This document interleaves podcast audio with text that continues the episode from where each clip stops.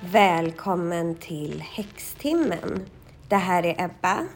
Och det här är Klara. Vi ska prata om midsommarmagi och om vad, vad midsommar är traditionellt. Är det årets mest magiska natt? Är det den häxigaste högtiden?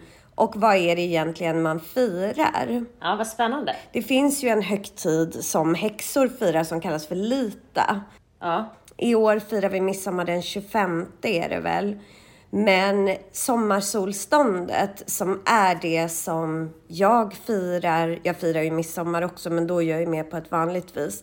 Men det vi firar liksom traditionellt är ju sommarsolståndet och det är på tisdag 21 juni. Så det kommer vi prata om. Men vi måste ta lite också, höra här, för Klara, du har haft din första astro-reading den här veckan. Ja, ja. Jag hade den i onsdags. Så ja, nej. Och då alltså reading för en klient, ska vi säga. För Klara pluggar astrologi. Ja, men precis. Så vi, i, i, i en, del av kursen är att vi ska ha en testreading med en, en då testperson som är en utomstående person som jag aldrig har träffat tidigare. Så då fick jag hennes chart skickat till mig innan och så får jag studera det. Och sen så hade, vi, hade jag då en 30 minuters reading, så en lite kortare. Hur gick det då? Alltså, jag vet inte riktigt hur det gick. Eh, men jag, jag kände väl lite så här, jag tror att där jag fortfarande saknar lite eh, kunskap och erfarenhet. Det blev ganska mycket som att jag höll någon form av astrolektion. Så jag hade hennes, alla hennes planeter och jag hade liksom hennes eh, angles med så. Och förklarade vad de stod för och ehm, ja, vilka tecken det var i och vad det, de tecknen har för characteristics. Men sen så liksom, jag, jag, tror att jag fortfarande inte är så bra på att dra slutsatser kring all den här informationen. Så det känner jag att jag fortfarande liksom saknar och behöver eh, träna och lära mig. Ja, jag förstår. Men för henne, hon visste ju till exempel inte vad hon var för moon sign. Hon visste vad hon var för soltecken och för rising. Men hon visste inte så mycket om sin måne. Så att, och det jag menar med det är att jag ändå kanske gav henne någon form av typ ny information och eh, jag tror att det gav henne någonting i alla fall. Även om jag inte är fullärd. Ja, men fanns det vissa indikationer i hennes chart att hon var ganska spirituell, men hon hade inte utforskat det särskilt mycket för att hon, ja, på grund av olika saker och då pratade vi en del om det och hur hon kanske kunde hitta ett eget sätt att utforska sin spiritualitet för att, ja, och sådär. Men det är ju, det är ju, för det där gillar jag i läsningar när jag hittar något hos en person som man bara, men det här är ju jättestarkt i dig och de kanske så här, vet det någonstans men har lagt det åt sidan. Jag hade en tjej som, det var så otroligt tydligt i hennes horoskop att hon var så här jättekonstnärlig och kreativ. Och att det var det hon skulle göra och att det var, ja det var väldigt mycket kring det. Och hon jobbade som ekonom. Och så började vi prata om det och jag bara, men har du aldrig haft, eh, alltså har du aldrig varit, eh, ägnat dig åt något konstnärligt eller så? Och då kom det fram att hon hade gjort det ända tills hon var, började på gymnasiet. För då hade hon gått någon så här konstgymnasium. Och då hade det blivit så hög press kring det så att hon hade helt bara stängt ner sin kreativitet för hon kände att nej men det här blev inte kul längre och så. Så hon lagt det åt sidan i typ 15 år. Och då kan man ju börja titta på så är det här något du ska komma tillbaka till eller sådär. Ja. Ja men det är väldigt kul för jag tycker just astrologi är så kul för att för det handlar ju egentligen väldigt sällan om att vi som kan astrologi ska så här berätta bara så här, så här är det, utan det är ju just mycket det här utbytet och att lära känna sig själv är ju hela grunden. Fundera över saker. Ja. Det som jag kände var lite klurigt från mitt håll var att jag blev så engagerad. Så att vid ett tillfälle så började hon gråta och då började jag typ gråta själv också. Mm. och då kände jag lite så här att så blödig kan jag inte vara att jag sitter där och, och liksom lipar också, för det blir ju jättekonstigt då. Men då måste du ju ha gjort ganska stort intryck om hon började gråta och så under läsningen. Ja, jag vet inte. Jag tänker att jag kanske tog henne på ett, eh, vid ett känsligt tillfälle också, så hon var kanske lite, jag vet inte. Det här är faktiskt det sista vanliga avsnittet av Häxtimmen innan det blir sommarsäsong. Mm. Så att sen, jag, jag, kommer spela in nämligen en, det blir lite annorlunda typ av podd. Det blir mer som storytelling där jag kommer spela in historier. Ja, vad spännande. Eh, jag har skrivit manus och allt som jag ska spela in här imorgon. Ja. Och det ska handla om okulta pionjärer ja. i historien. Och jag kommer bara prata om kvinnor. Jag måste berätta en grej som hände kopplat till det här. Ja. Och för att jag har ju några olika kvinnor jag ska göra. Jag kommer lägga upp det såklart snart, vilka det är. Men då har jag haft lite svårt att välja. Det var no någon som var helt självklar, liksom som det här arbetet började gå ut ifrån, Evangeline Adams, som är en astrolog då som faktiskt gjorde astrologi lagligt i New York. För det var och är till viss del fortfarande olagligt i New York. Men, ja, det är fortfarande olagligt? Alltså fortune telling är lagligt begränsat eller vad man ska säga, astrologi, eller i New York. Sen kan man inte säga att man märker det, för om man har varit i New York så vet man att man kan gå in i typ på varenda gata sitter det lite olika fortune tellers. Men det finns ja. lagar kring det där. Det var mer olagligt innan Evangeline Adams kom kan man säga, för hon förändrade det här. Hon är ja. jättehäftig. Men då var det så, för när jag skulle välja lite andra personer att ha och prata om, då så letade jag lite och kollade upp olika och sådär. Och så för några kvällar sedan var det väl, så hittade jag en som heter Dion Fortune som jag började läsa om och tyckte var eh, hon har väldigt spännande tankar och sådär så jag tänkte ja men hon är nog, eh, jag ska nog prata om henne. Så laddade jag ner en av hennes böcker som heter Psychic Self Defense på, fanns på Storytel faktiskt. Asså? Ja, och började läsa den och sådär innan jag skulle gå och lägga mig. Och sen så när jag eh, innan jag somnade så sa jag till mig själv eller till henne typ att så här, ja men om, om du är den som jag ska göra nästa avsnitt om i podden så vill jag drömma om dig i natt. Mm. Och så somnade jag och då började det med att jag drömde om henne faktiskt hela natten igenom. Är det sant? Så jag, ja, jag drömde. Det började med att jag drömde att jag eh, så här, ställde hennes horoskop och sådär. För jag har drömt ganska mycket om astrologi på senaste, vilket ju har naturliga förklaringar för att jag ägnar så himla mycket tid åt att läsa olika horoskop. Ja. Men så drömde jag det. Men sen så förändrades då drömmen och då drömde jag att jag var i London där hon levde och var verksam och Elfin var med och jag ja. skulle passa en släktings hus och det här var en släkting som inte finns i verkligheten men i drömmen så fanns den. Ja. Och den var då en bror till min morfar.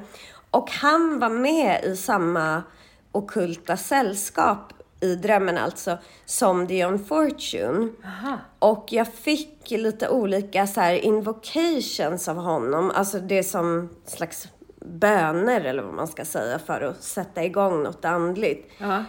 Och eh, sen så drömde jag då, för jag skulle passa hans hus, och då drömde jag att jag och Elfin sov i huset och att jag vaknade på natten i min dröm och gick ut på balkongen i det här huset och sa den här invocation som jag hade fått. Och att då framför mig så öppnar sig hela himlen. Det var, jag har aldrig sett något så häftigt. Det var som att stå mitt i Vintergatan och det bara blev som en stor så här lila portal framför mig med massa så här glittriga stjärnor och Ja, som att jag såg in i universum. Och vid sidan av det så var himlen helt rosa och en fullmåne och så här, Och jag stod där och var helt så här, oj, kan himlen se ut så här? Det här är så fantastiskt och så där. Och sen så känner jag i drömmen hur jag lyfter från marken. Så jag börjar sväva. Och det var så verkligt. Och då blev jag lite rädd. För jag var som, gud, tänk om jag liksom svävar ut genom balkongen och sådär. Så jag höll i mig balkongräcket. Och så bestämde jag mig för att gå in igen i huset. Och då svävade jag runt inne i huset. Och det var så otroligt verkligt. Så det var så häftig känsla att så här, jag svävar. Ja. Så. Och sen gick jag och la mig igen i drömmen. Och när jag vaknade på morgonen så var det en stor regnbåge utanför fönstret. Ja. Så då sen när jag vaknade så vart jag ju bara så här, men gud, ja, jo, alltså jag ska ju prata om henne. Ja. Men också som att hon typ kom till mig i drömmen och att jag verkligen connectade med henne. För att det var så utom, eh, om du förstår, det var så utom mig. Den här ja. universumbilden, det att jag svävade. Det var inte som vanliga drömmar är, där man möter det som är Nej. lite inne i en. Liksom, utan det här var verkligen något annat. Som, som att hon bjöd in dig till hennes ja. universum på någon vänster? Ja, det kändes väl, verkligen så. Ja. Så det var så häftigt. Och sen blev det faktiskt en till grej som bara la till en ytterligare liten grej till det här. För då när jag var i parken ute med Elfin sen på dagen så kommer en liten, jag tror att de heter tofsvippor. Det är en liten fågel som man ser på våren som är vit och svart och har en liten så svart tofs. Ja. För min morfar gillade dem väldigt mycket. Och det, vi har, både i hans dödsannons så var det en Aha. sån fågel och på hans gravsten så var det en sån, eller så är det en sån fågel. Och han var alltid så här, skulle ut och kolla på dem på våren och så. Ja. Och då, när den, då kom den och satte sig, och jag har inte sett någon sån än i år. Så kom den och satte sig framför mig och Elfin. Och då sa jag bara sådär, hej morfar. Och sen så uh, flög den lite bredvid oss och sen flög den iväg. Men det kändes som att han kom, i och med att han också var lite med i drömmen. Ja, ja eftersom det var din morfars eh, farbror eller bror, eller något sånt. Eh, ja. Ja, ja så var det väldigt fin. Eh, ja. Häftigt. Fin. Det, ja, så att det kommer bli extra spännande efter det där att spela in de här avsnitten ja. och läsa hennes böcker. Ja. Men som sagt, det kommer man få höra massa mer om hennes magi och allting. Hon gjorde, ska jag bara säga innan vi går in på midsommar, hon gjorde bland annat en kallas för Magical Battle of Britain och det var en sån här magisk motståndsrörelse eller magisk armé mot Hitler och Nazityskland. Asså? Det här måste jag, ja, jag måste definitivt lyssna på avsnittet och eh, jag måste kolla upp den här. Vad, vad sa du att den hette? The Ja, eh, Magical Battle of Britain heter det. Magical Battle of Britain. Det låter ju som något eh, Harry Potter-aktigt. Som ja, ja, visst. Det är nästa sequel av Harry Potter. Ja. Midsommar, det är ju midsommar om typ en vecka när mm. folk hör det här avsnittet. Kommer du fira midsommar, Klara? Du är ju i Schweiz. Jag tror inte att jag kommer fira midsommar. Um, I alla fall inte liksom enligt svenska mått mätt. Nej. Vi, det finns midsommarfirande här i, eh, i, en stad i närheten, Engelberg, men, mm. som jag har varit på några gånger. Men nej, jag kommer nog inte fira. Jag kanske tar mig ut och fira själv, liksom ute i naturen mera så, men inte det här klassiska dansa runt stång, sjunga snapsvisor och äta sill och potatis. Nej, jag kommer väl fira lite grann midsommar, men jag kommer framför allt då fira det som kallas för sommarsolståndet. Man kan mm. kalla det lite olika saker. Alltså som sagt, man kan kalla det lita och göra ritualer kring det. Jag firar ju midvintersolstånd och sommarsolstånd för att det är ju astrologiska punkter, astrologiska högtider som vi har firat på jorden i jag vet inte hur många år, men innan kristendom, liksom, mm. tusentals mm. år. Mm. Och på vårt norra halvklot så är vi ju så väldigt beroende av årstiderna. om man vill som lyssnare och inte har hört det än så kan man gå tillbaka och lyssna på vårt avsnitt om midvintersolståndet som vi spelade in i december innan där, för då pratar vi lite om det här också. Men för midvintersolståndet är ju då när det är som allra mörkast mm på vårt norra halvklot. Och det är alltså när solen är så långt bort ifrån jorden som möjligt.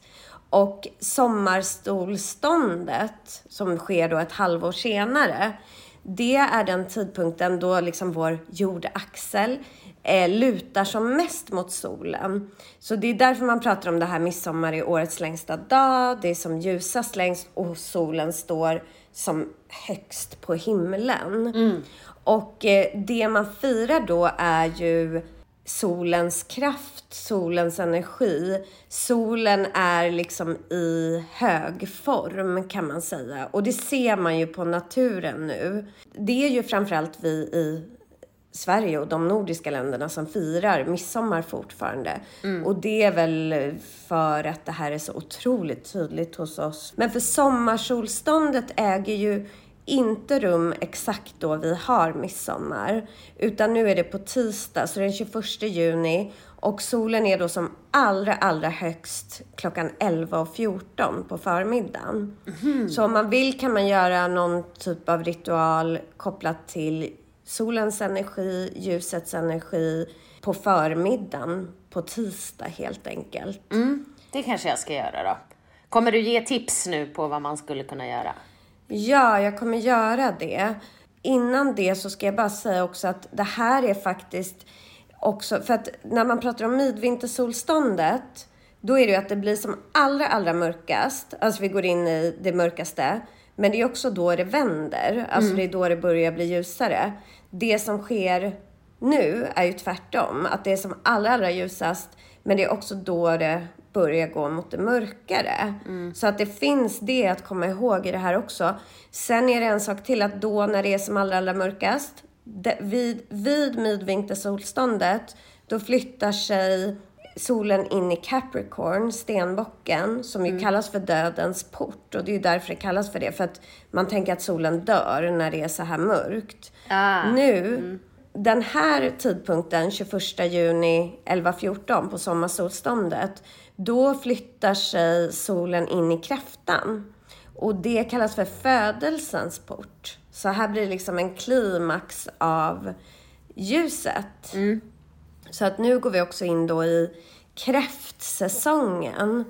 Men jag ska fråga dig, Klara, innan vi går in på ritualen. För en sak som det här faktiskt markerar, det är ju att halva året har gått. Mm halva liksom det astrologiska och halva så här årstids, vad ska man säga, året har gått. För egentligen är ju midvintersolståndet är ju som ett slags nyår.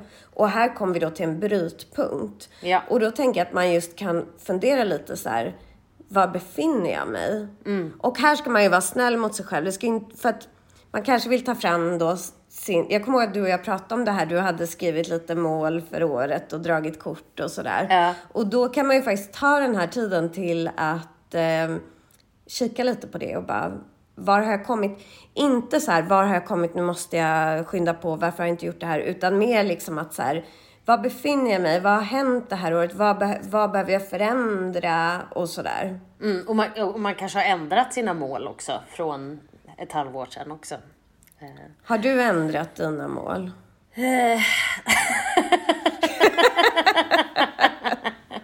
det var en djup suck här nu.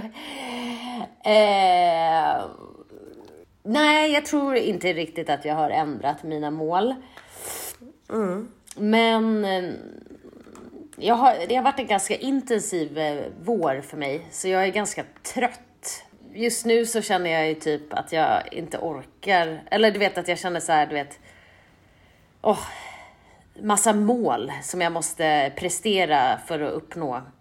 Jag brukar ju i vanliga fall tycka sånt är väldigt kul. Men just nu så tycker jag inte det för att jag är ganska trött. Så jag tror att det jag känner när, när du ställde frågan nu, eller liksom berättade om det här, så känner jag mer att jag tror nog, eller jag känner ganska starkt att det, det börjar någonting nytt. Jag känner ganska starkt att jag avslutar någonting nu.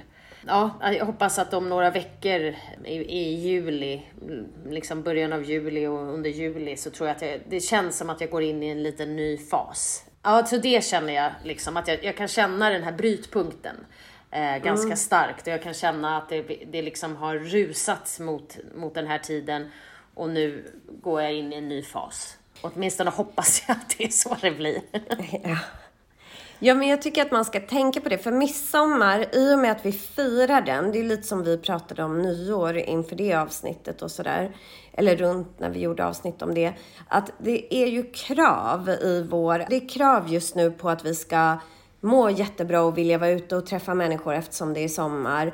Vi ska eh, göra något jättekul på midsommar. Alltså det är sådana grejer. Mm. Men då tycker jag att man ska om man känner sig lite trött, för jag tror ganska många gör det. Våren är ju ofta en intensiv tid och nu är det så här, man måste göra klart allt innan semestern och sådär. Ja. Så då tänker jag att försök se den här stunden, om man tar det då den 21 när inte andra människor firar. Gå ut i solen, gå ut i naturen och försök inte pusha sig själv till att så här, åh nu ska jag vara jätteprestera, utan istället bara känn in solens energi och ta med sig den till mm. kanske i höst. Spara den inne i sig själv och använda den någon gång i höst när man börjar få energi igen eller sådär. Ja. Men för att det som är då på midsommar och det är ju då den här natten och då kan man ju välja om man vill göra det under sommarsolståndet som är riktiga midsommar eller då när vi har firat traditionell midsommar som i år är den 25. Men för att det som i svensk folktro, midsommar är ju otroligt förankrad i vår folktro och i vår kultur och sådär. Och då ansågs det att midsommarnatten var en av årets mest magiska nätter. Mm. Och det kan man också se i folktro att det är alltid, för midvintersolståndet är till exempel också en väldigt magisk tid och sådär. Och det är ofta det i de här brytpunkterna. Då ser man som att, då är det som att vår värld och andevärlden suddas ut lite. Mm, så, att, så att man, det är lättare att connecta med andevärlden för att eh, gränserna är, dras ner, liksom, eller vad man ska säga. Ja, precis. Och det kan vara connecta med andevärlden och utföra magi och sådär. Allt lite, det är som det flödar över lite från andevärlden till vår värld. Mm. Så att det man ansåg under just midsommar, som är då årets ljusaste natt, och det är ju då den 21 nu som blir årets ljusaste natt. Det är att vattnet i källorna, eh, läkeväxter och magiska växter har extra styrka. Mm -hmm. Så att det man kan göra till exempel på den 21 det är att bara gå ut och plocka antingen bara blommor mm. eh, eller plocka blommor som man vill använda i magi eller plocka läkeväxter och kanske torka dem eller så för att de är ju som mest magiska nu. Så då kan man ju antingen spara dem eller så gör man lite te eller infusion på dem och mm. använder nu. Och läkeväxter behöver inte vara så komplicerat. Det kan vara så citronmeliss, timjan eller vad som helst. En krydda, en ört. Ett tips som jag tänker är att man går ut, alltid på både midvintersolstånd och sommarsolstånd så tycker jag att det är härligt att liksom vara i naturen. Man går ut eh, med sin hund om man har någon eller själv. Och, eh, eller med vänner. Ja. Men och titta tittar på naturen och försöker se hur ser det ut nu vid den här tidpunkten när solen är som allra kraftfullast. Och så kan man ju då plocka om man har tillgång till, eller så får man åka till någon sån ställe där man kan plocka eller plocka i naturen. Någon ört som har lite sådana egenskaper. Till exempel citronmeliss kan ju vara fin. Den är ju lite så lugnande, läkande och så. Mm. Så kan man torka en del av det.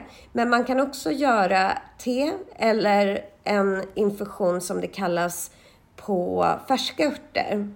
Och då tar man helt enkelt bara Ja, man kan ta ungefär fyra teskedar om det är en färsk ört. Då mm. behöver man lite mer än torkad ört för det är lite svagare med färska örter. Ja. Och så lägger man dem i en kopp och så häller man över ja, en kopp med eh, kokhett vatten.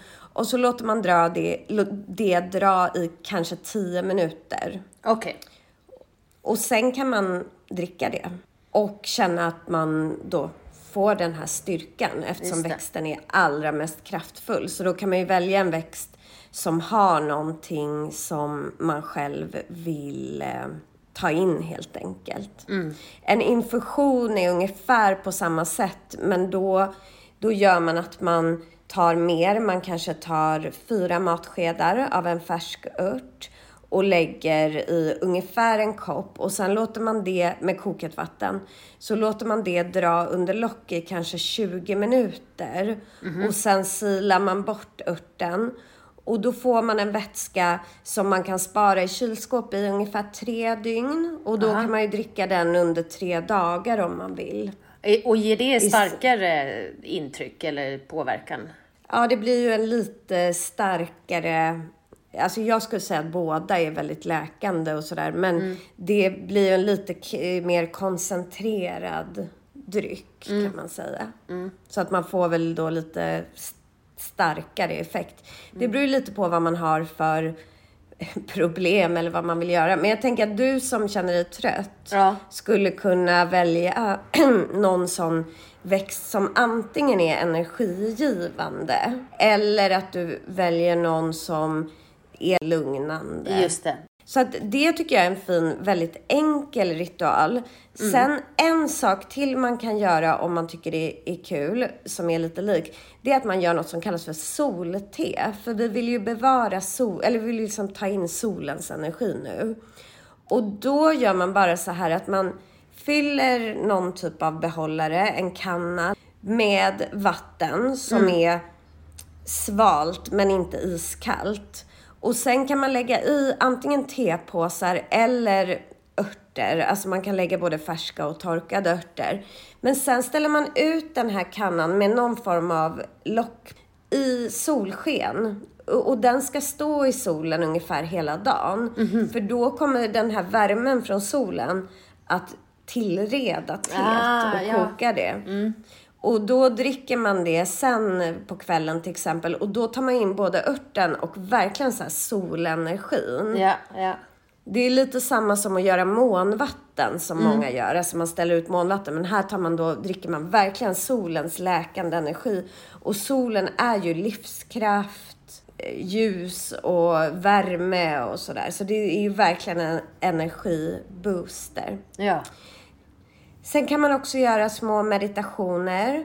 Och då tycker jag de ska syfta till att hitta sitt inre ljus, hitta sin inre glädje. Man kan bara stänga ögonen och se att det är ju inte helt mörkt när vi stänger ögonen, utan det finns ljus där inne. Hitta sin inre solenergi. Och då kan man gärna under den här speciella natten eller dagen använda någon doftolja och då kanske någon som är lite blommig och sådär. Och bara dra in den här doften. Det finns ju såna här eteriska oljor. Jag tänker på då kanske lavendel eller ylang ylang eller någon doft som är lite så här lite feig. Feer tänker jag på, för de ska ju vara väldigt aktiva under den här natten.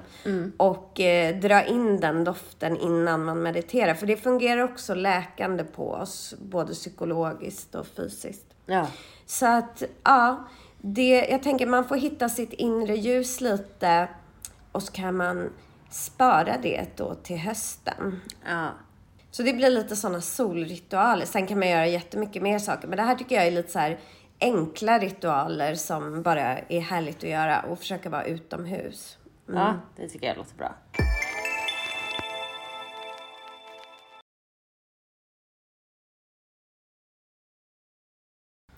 Dröm, man ska ju plocka sju blommor, hoppa över sju gärdsgårdar så ska man drömma om sin kommande man. Ja, men var det bara kommande man? Är det, eller är det kommande kärlek liksom? Ja, jo det är Ja, killar kan ju och eh, såklart alla sexualiteter kan göra det här, det har du rätt i. Ko- det, jag, jag fattar det som att man skulle drömma om den man skulle gifta sig med. Ja, så fattade jag det också. Men man måste ju också, Eh. man får ju inte prata och man ska gå baklänges och sådär. För jag gjorde den här ganska många gånger när jag var liten. Jag tror aldrig jag gjorde den med något särskilt bra resultat. Gjorde du det? Nej. Alltså du, nej. det var nog... Nej. Nej, och här sitter jag också ogift fortfarande, så det var väl... men, men alltså jag drömde, jag kommer ihåg en midsommarnatt när jag verkligen ansträngde mig för att göra, jag var väl typ jag tror jag var nio år eller något sånt där.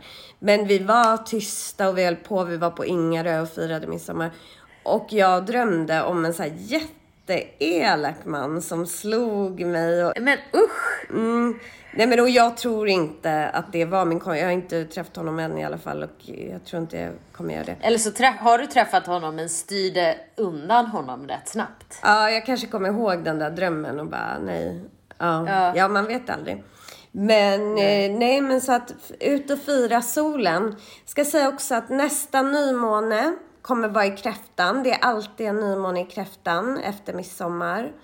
Och mm. eh, den vill ju påminna oss om att plocka fram vårt inre barn. Och det tycker jag man kan mm. göra nu här när det är sommarsolstånd och sen midsommar. Men sen är det också alltid en fullmåne som följer efter nymånekräftan i stenbocken. Och den vill påminna oss om att eh, också då stay grounded och liksom vara lite i kontakt med vår visdom. Så att det är hela tiden den här balansen att inre barnet och känslor men också grunda oss och vara i visdom. Ja. Mm. Ja, mycket bra ritualer. Det kommer jag, så tror jag att jag kommer fira midsommar. Eh, mm. Eh, snarare än dans kring midsommarstång och nubbe och sill. Det tycker jag låter bra. Jag kommer också fira det då på tisdag. Ja, jag ska faktiskt eh, fira lite med några vänner på tisdag kväll då, sommarsolståndsdagen. Men på själva dagen kommer jag göra egna ritualer i, i solen med Elfin. Tack för idag då och som sagt Vanliga häxtimmen är tillbaka i augusti någon gång och tills dess så kommer en sommarspecial. lite annorlunda sommarspecialsäsong. Ja. Mm, mycket spännande. Ja, men så vi hörs igen då. Eh, Klara återkommer sen då i när sommaren har passerat får vi checka in vad som har hänt i ditt liv, om du har fått mer lugn och så. Det låter bra.